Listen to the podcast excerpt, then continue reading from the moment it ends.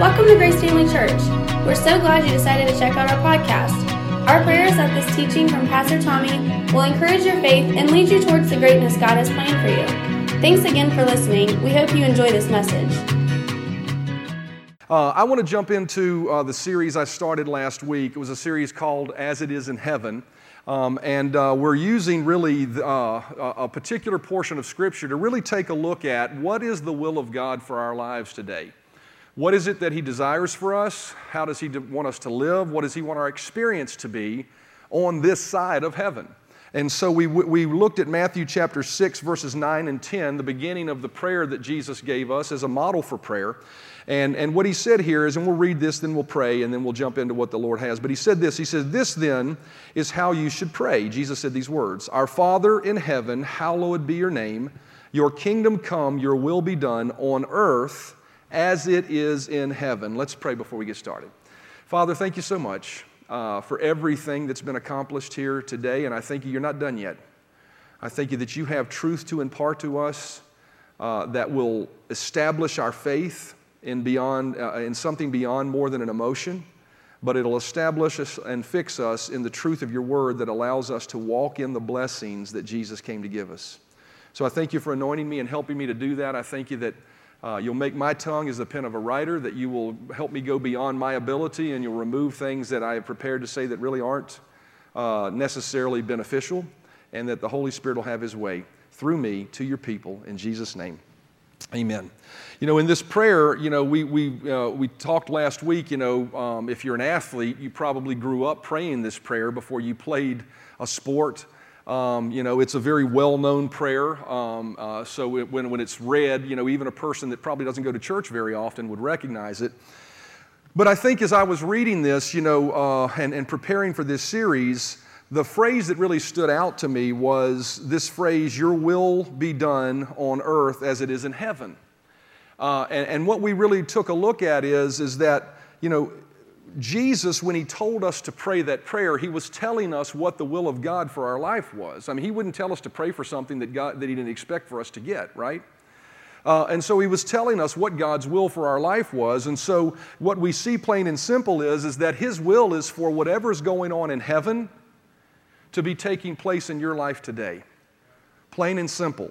Plain and simple, that what, whatever is taking place in heaven is, is His will for your life. So think about that for a moment and think about the picture. And what this whole series is really going to do is really cause us to get a, an image of what is heaven like, what's going on in heaven, and to embrace that. And I think it's important that when we, when, as we approach this subject, and I pointed this out last week, that Jesus told us to pray this prayer. Everybody say, pray. He didn't tell us to wish this prayer um, you know, a prayer is different than a wish. We said that last week, and I want to emphasize that again, not to just review, but to really help you recognize the magnitude and the intensity with which God wanted you to expect this in your life. You know, a wish is really a lottery ticket, right? It's something that happens, but you're, you, know, you, you, may, you may at some point in your life had purchased a lottery ticket, and you know, the hope is that you would win it, but there's really no expectation. Why? Because the chances are one in millions, right? So, uh, but I think many people approach prayer that way. You know, their, their attitude in prayer is, Lord, I really hope you'll do this, but there's really no expectation. But that word prayer, when we looked it up in the concordance, it said this actually. It says, prayer is this to interact with the Lord in a manner in which He imparts faith, divine persuasion, and confidence that the object of the desire has been received. So, what he said was, Jesus said, I want you to pray for what is in heaven to be on earth as if when you get up from that place, you've received it. That's pretty powerful if you think about it for a minute. Because I think what happens in our life most of the time is, is we see heaven as a sweet by and by place. We see it as a place that, you know, when we all get to heaven, what a day of rejoicing that'll be, right? We sort of think that way about heaven, but I want you to understand what Jesus said was this what is going on in heaven, I want you to believe for right now in your life. The same level of expectation we should have. And you know, the Bible teaches us, we pointed out last week, that we can believe that way because, you know, a little bit of, you know, Bible, you know, timeline, if you, if you think about it for a minute, um, there will be a day when heaven comes to earth. You know, we, uh, we read the scripture during worship, right? That, that there's a new heaven and a new earth. And there will come a day where a new heaven and a new earth descend to this planet, and heaven is on earth. But the thing we have, and so I think because of that, and the Bible talks about that blessed hope that we have of believers of that happening one day, I think we can, if we're not careful, we can become guilty of thinking that's the only time we can have heaven in our lives. We become almost these martyrs here on, down, here on earth, suffering through for Jesus, just walking this pilgrim's way, right? You know, just struggling along. Can't wait till I get to heaven because it's so hard down here now. But what the Bible teaches us is that Jesus told us that we could believe for it now. And the reason we can is because Jesus told us the kingdom of God, the kingdom of heaven, is not only in heaven. When you get born again, you become a citizen of heaven and it now resides within you. Look at your neighbor and say, Heaven lives in me. Now, I'm not saying there's not a place called heaven, but what I'm saying is absolutely this the power of heaven, the provision of heaven, the presence in heaven, that all lives on the inside of you, whether you realize it or not. Luke chapter 17 and verse 21, Jesus said, The kingdom of God is within you. Right? So, not only will we be in heaven in God's presence one day, but also right now, His presence that is in heaven lives in us. So, we must recognize that the kingdom of God is in you as a believer. It's on the inside of you. 1 Corinthians chapter 3 and verse 16 says, Do you not know that you are the temple of God and that, and that the Spirit of God dwells in you? The same Spirit that moves through heaven and sets the atmosphere of heaven and, and provides in heaven and uh, you know all of that heaven is is the essence of who he is lives on the inside of you. What that tells me is this is that we don't have to live our lives trying to pull heaven down to earth. There's a lot of people that talk that way. You know we got to storm the gates of heaven to get an answer or I got to pray real hard as if they're reaching out for a brass ring they just can't quite get their hand on. But whatever it is that you desire, whatever it is that you need, the Bible teaches us that the ability and the power and the provision that is in heaven lives on the inside of you so that you don't have to pull heaven down to earth. It tells us that in Romans chapter 10, verse 6 and 8. It says, Do not say in your heart, Who will ascend into heaven? It says, Don't say that.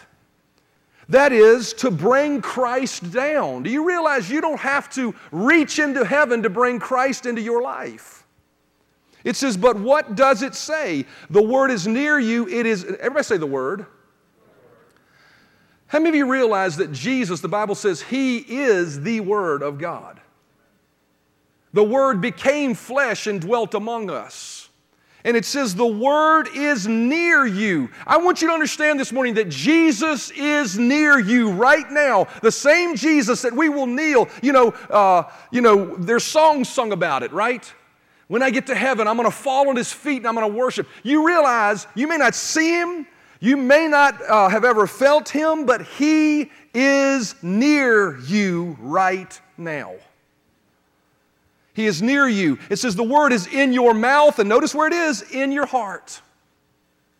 In your heart. That is the message concerning faith that we proclaim the living word of God. The essence of faith, Jesus, by the power of the Holy Spirit, He has come to live in us and His kingdom dwells within us. And so, what that tells me is that when Jesus told us to pray, as it is on earth, I mean, as it is in heaven, so be it on earth, then what we should be doing is we should be living our lives embracing and manifesting what is on the inside of us that is going on in heaven right now. Amen? And so we talked about last week one of those things we should manifest. We said the atmosphere of heaven. Everybody said, everybody said the atmosphere.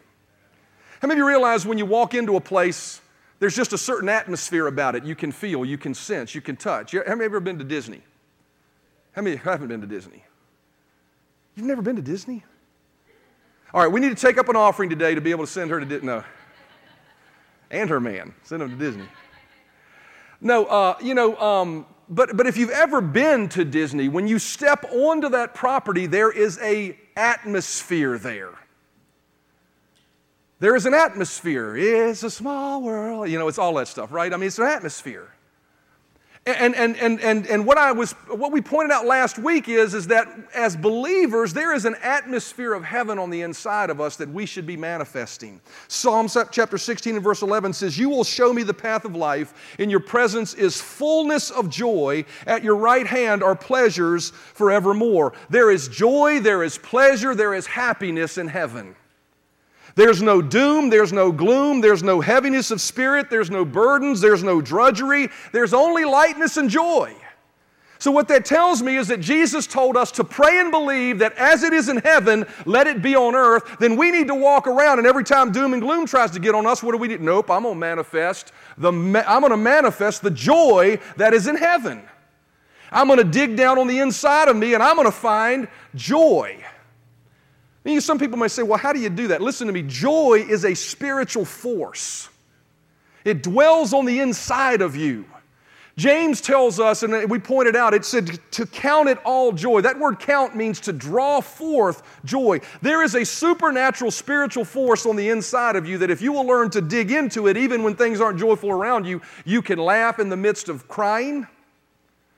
You can be happy in the midst of sorrow. So we should be manifesting joy. Isaiah 61 and verse 1 through 3 says, This is what Jesus came to bring us. The Spirit of the sovereign Lord is on me because the Lord has anointed me to proclaim good news to the poor. He sent me to bind up the brokenhearted, to proclaim freedom to the captives, and release from, uh, from darkness for the prisoners, to proclaim the year of the Lord's favor. Verse 3 To bestow on them, notice this, a crown of beauty instead of ashes the oil of joy instead of mourning, and a garment of praise instead of a spirit of despair. This is a picture, really, if you think about this, of what is going on in heaven right now. If, if, you, could, if you could snap what is on and going on in heaven, you, you really see verse 3. Where there's joy and there's beauty for ashes, there's joy for mourning. And so this picture tells us that, that that's where we should be living in our lives. You know, I wrote this question down. Are you slumming right now? Are you living where you should be living? If you're, what do you mean? What do I mean by slumming? Are you living in a place of despair? Are you living in a place of no hope? Are you living in a place of heaviness? The atmosphere of heaven that we talked about last week we should be manifesting is none of those things. It's time for you to move to a new neighborhood. It's time for you to change places. How do you move? Well, I can tell you one way you move you find a realtor and you find a moving company. And I can tell you, sitting around you right now are realtors and moving companies because they have the kingdom of God in them as well. And if you can't find a way to find joy, then reach out to one of them and watch, let them lay hands on you and pray for you and believe for you because the same spirit that raised Christ from the dead dwells in them and they have the ability to bring the kingdom of God into manifestation in your life. Amen? And so this is what we need to be believing for. We need to be believing for um, joy and happiness in manifesting that in our life. As a matter of fact, what we want to talk about today, though, is, and I got to find my place because I lost it, but I know what I want to talk about. I want to talk to you about today, and not, not only about manifesting the atmosphere of heaven, but I want to talk to you about manifesting the confidence of heaven. Everybody say the confidence of heaven. You know, when I think about heaven, I don't see um, a lot of people sweating the light bill. Do you? You see anybody sweating? As a matter of fact, how many realize there's no light bill in heaven?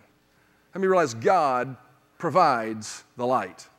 tells us that. Revelation chapter 22 and verse 5, it says, There will be no more night, there will be no need, there, there will, they will not need the light of a lamp or an electric company.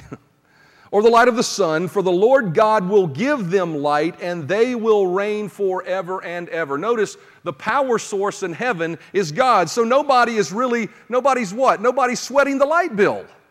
Nobody's worried about whether the lights are going to be on the next day. There's no concern, as I've always joked, that there's ever going to be an announcement at the marriage supper of the Lamb that, well, because today Section 4C won't get fries with their Happy Meal because we have a shortage of French fries. How many of you realize that's not going to happen? There's no shortage. There's confidence in heaven. We don't see people cowering in fear over a virus in heaven, do we? We don't see people nervous about what's going to show up tomorrow in heaven, do we? We don't see anyone worried about their heart's desire coming to pass in heaven, do we? We don't see anyone worried about their kids in heaven, do we? Why? Because in heaven there is great confidence that the owner of heaven, the provider of heaven, will continue to be their provider. Amen? And so I believe that as Jesus was telling us that we should be believing as it is in heaven on earth, he was telling us you need to believe and walk in the same confidence that someone walks in in heaven. That's the place he's called us to do. And yet, when it comes to living in this life, why do we settle for less than that level of confidence? Why do we worry? Why are we nervous and intimidated in certain environments? Why do we cower in fear over certain things that come our way or that media broadcast? Why do, why do we worry? I believe that we can live in a place of confidence in our life. Otherwise, how many of you realize Jesus wouldn't have told us to pray for something we couldn't have? I mean, that would have been maniacal, right? That would have been almost mean. He told us to believe for this level of confidence. As it is on earth, as it is in heaven, so be it on earth. Jesus' instruction to us to not worry is that very call to walk in heaven's confidence. Matthew chapter 6 and verse 25 says, Therefore I tell you, do not worry. Now we're going to read a large portion of Scripture. We're going to read almost 10 verses. Can you believe that on a Sunday morning? We're going to read 10 verses. How many of you can keep your attention span for 10 verses? It says, Therefore I tell you, do not worry about your life, what you will eat or drink, or about your body, what you will wear. Is not the life more than food, and the body more than clothes? Look at the birds of the air. They do not sow or reap or store, stow away in barns, yet your heavenly Father feeds them. Are you not much, are, are you not much more, not just more, but much more valuable than they? Can any of you, by worrying, add a single hour to your life? And why do you worry about clothes? See how the flowers of the field grow, they do not labor or spin. Yet I tell you that not even Solomon in all his splendor was dressed like one of these.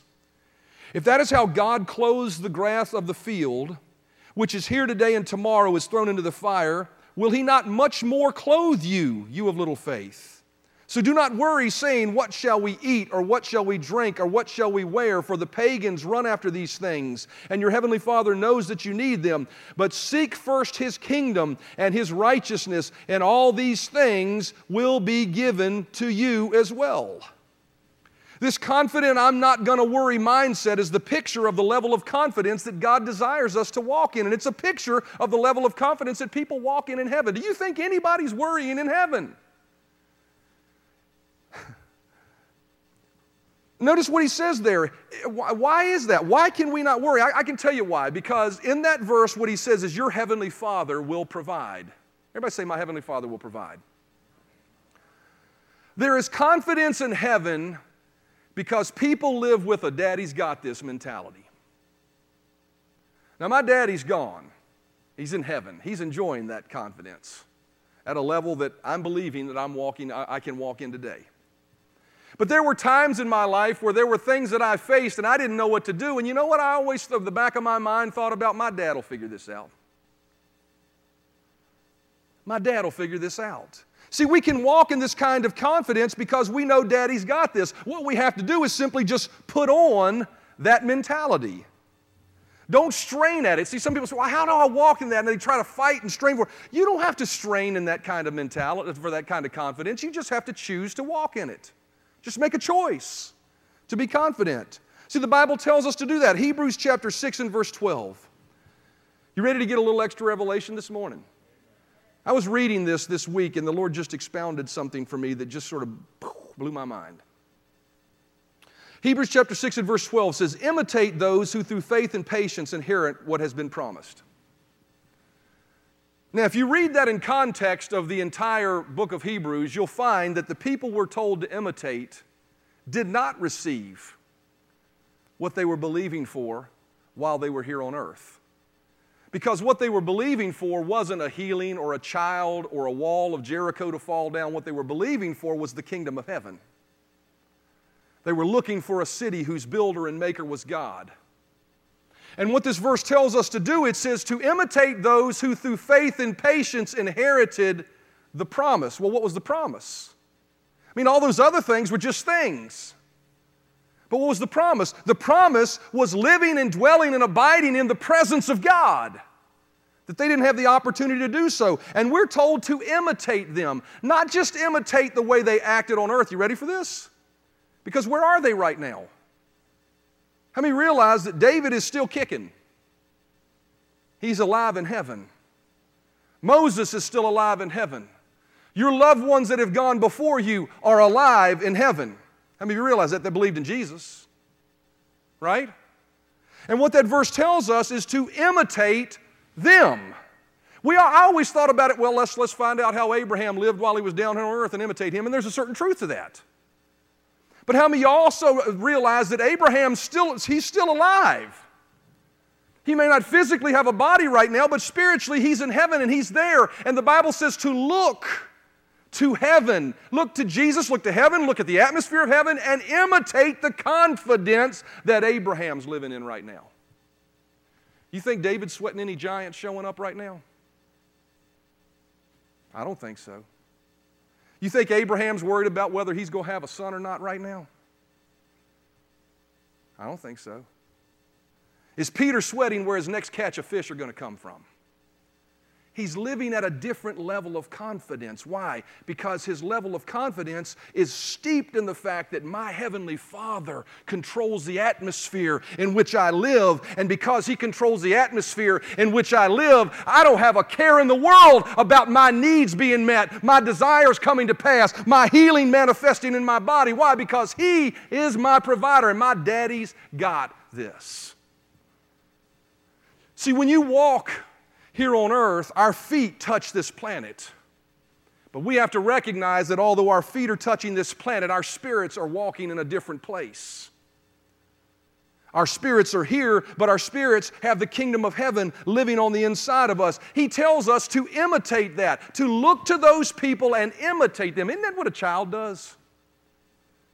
And that's what Jesus told us to do, to be like a child. Matthew chapter 18 and verse 1 and 3 says, At that time, the disciples came to Jesus and asked, Who then is the greatest in the kingdom of heaven? And verse 3 says, And he said, Truly I tell you, unless you change and become like little children, notice this, you will never enter the kingdom of heaven.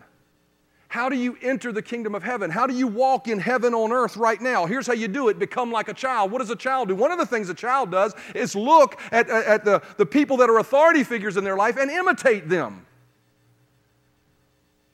Amazing to me as my children were growing up to watch what they would imitate, sometimes to my own chagrin, right? How many of you have a temper?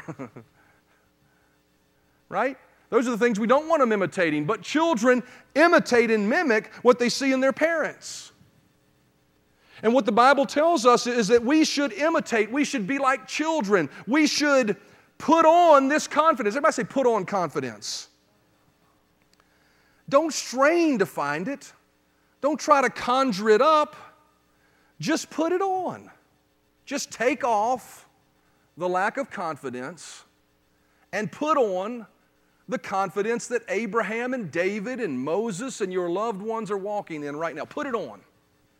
That's what we're encouraged to walk in. Ephesians chapter 4 and verse 24 says, You were taught with regard to your former way of life to be made new. Everybody say, Be made new. Where? In the attitude of your minds be made new in the attitude of your minds. And to put on the new self created to be like God. We're told actually not even to walk like the, uh, in the confidence of Abraham, but to walk in the confidence of God. When God said, Let there be light, you think He worried that there wouldn't be light? You think there was any ounce of doubt in Him that, well, I hope this happens, but I'm not sure that it will? No, He walked in a higher level of confidence we're told to put on that same level of confidence, to change our clothes and to begin to live in the confidence of heaven. Why? Because Jesus told us to pray, as it is in heaven, so be it here in my life. Amen. As the musicians come, I want to read to you Jeremiah chapter 17, verse 7 through 8. I want to read you these two verses to sort of set the stage so that you can see the picture of the level of confidence that God wants you to walk in. Jeremiah chapter 17 says, But blessed is the one who trusts in the Lord. Notice this, whose confidence is in Him. You want to know why you can walk in the confidence of heaven on this planet? Because you've made a choice to not put any confidence in yourself. You know, when we begin to worry and we begin to fret about what life is going to have to, uh, uh, going to pan, what's going to pan out in our life, it's always because we're looking at our limited resources. We're looking at our limited ability. We're looking at our pedigree to see if we can pull it off. But the Bible says that if you want to be blessed, blessed is the man who trusts in the Lord, who puts his confidence in him. And notice here's the picture and I want you to notice as I read this in verse 8 how much this mimics the confidence of a person in heaven. It says, They will be like a tree planted by the waters that sends out its roots by the stream. It does not fear when heat comes. It le- its leaves are always green. It has no worries in a year of drought and never fails to bear fruit. That sounds like a snapshot of heaven.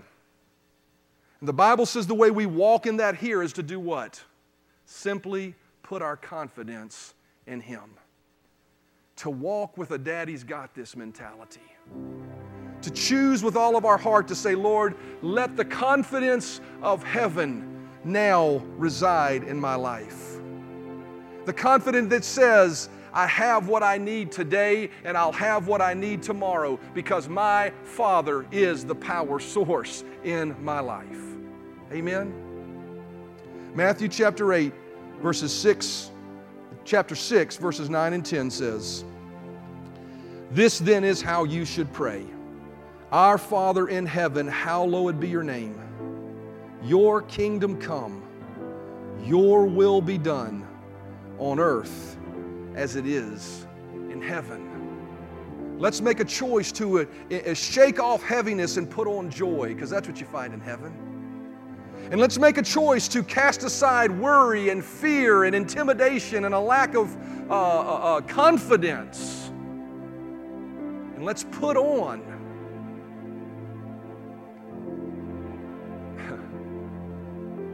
put on confidence. You know, I was thinking about this, and that word, you know, that we read earlier says to, to imitate those if you can't, if you don't have confidence in you, then just act like you do. Just act like you do. Just step out and say, I'm going to. Why? Because it's in you, whether you know it or not. I'm going to walk in the faith of Abraham. I'm going to walk with the confidence of Jesus. I'm going to live with the passion of David. I'm going to live by the faithfulness of Joshua. I'm going to live by what is in heaven right now. I'm going to allow heaven's atmosphere to permeate my life. Amen. Listen, we've already prayed for you. If you have a need in your life this morning, if, if you didn't bring that to anyone's attention, please be sure to let us know before you leave. But I do want to take a moment for anybody that might be watching through the Facebook feed or will listen to you know, our, uh, our, our podcast later in the week, I want to take a moment to give people the opportunity to accept Jesus and in turn receive heaven's kingdom into their life. The provision, the prosperity, the health, the peace, joy of heaven by acknowledging Jesus as their Lord and Savior. So, every head bowed and every eye closed, and no one looking around, if you happen to be here today in this place, or if you're watching through the Facebook feed, or if you even are listening to this on the podcast, just click one of the links if you're there online and let us know you want to accept Jesus. We want to send you some free material to, we want to pray with you and believe for you. But if you're watching live or if you are here in person and need to make that choice, I'm going to ask you right now in this moment to just lift your hand and say, Yes, that's me. I need to accept Jesus as my Lord and Savior. I've never had a moment where I can say, That's when I accepted Christ. I can't recall when that day was. I've always believed in Him. I've always gone to church, always been a good person, but I've never made Jesus the Lord of my life. Never had a moment.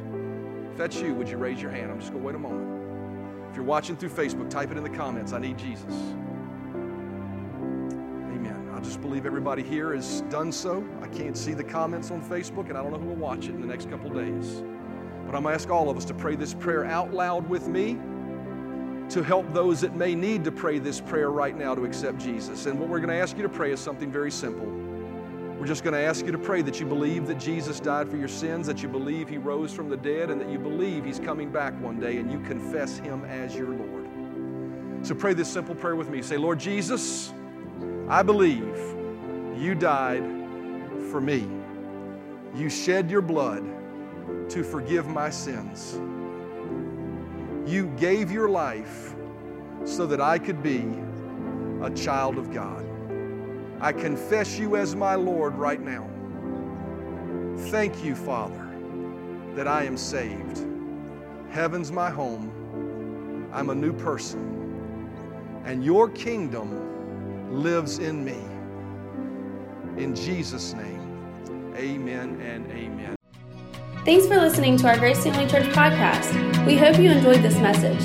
If this ministry has blessed you in any way, we would love for you to get connected. Just go to gfcva.info for more information about who we are, how to give to this ministry, or how you can get involved. Thanks again for listening, and we hope to see you soon.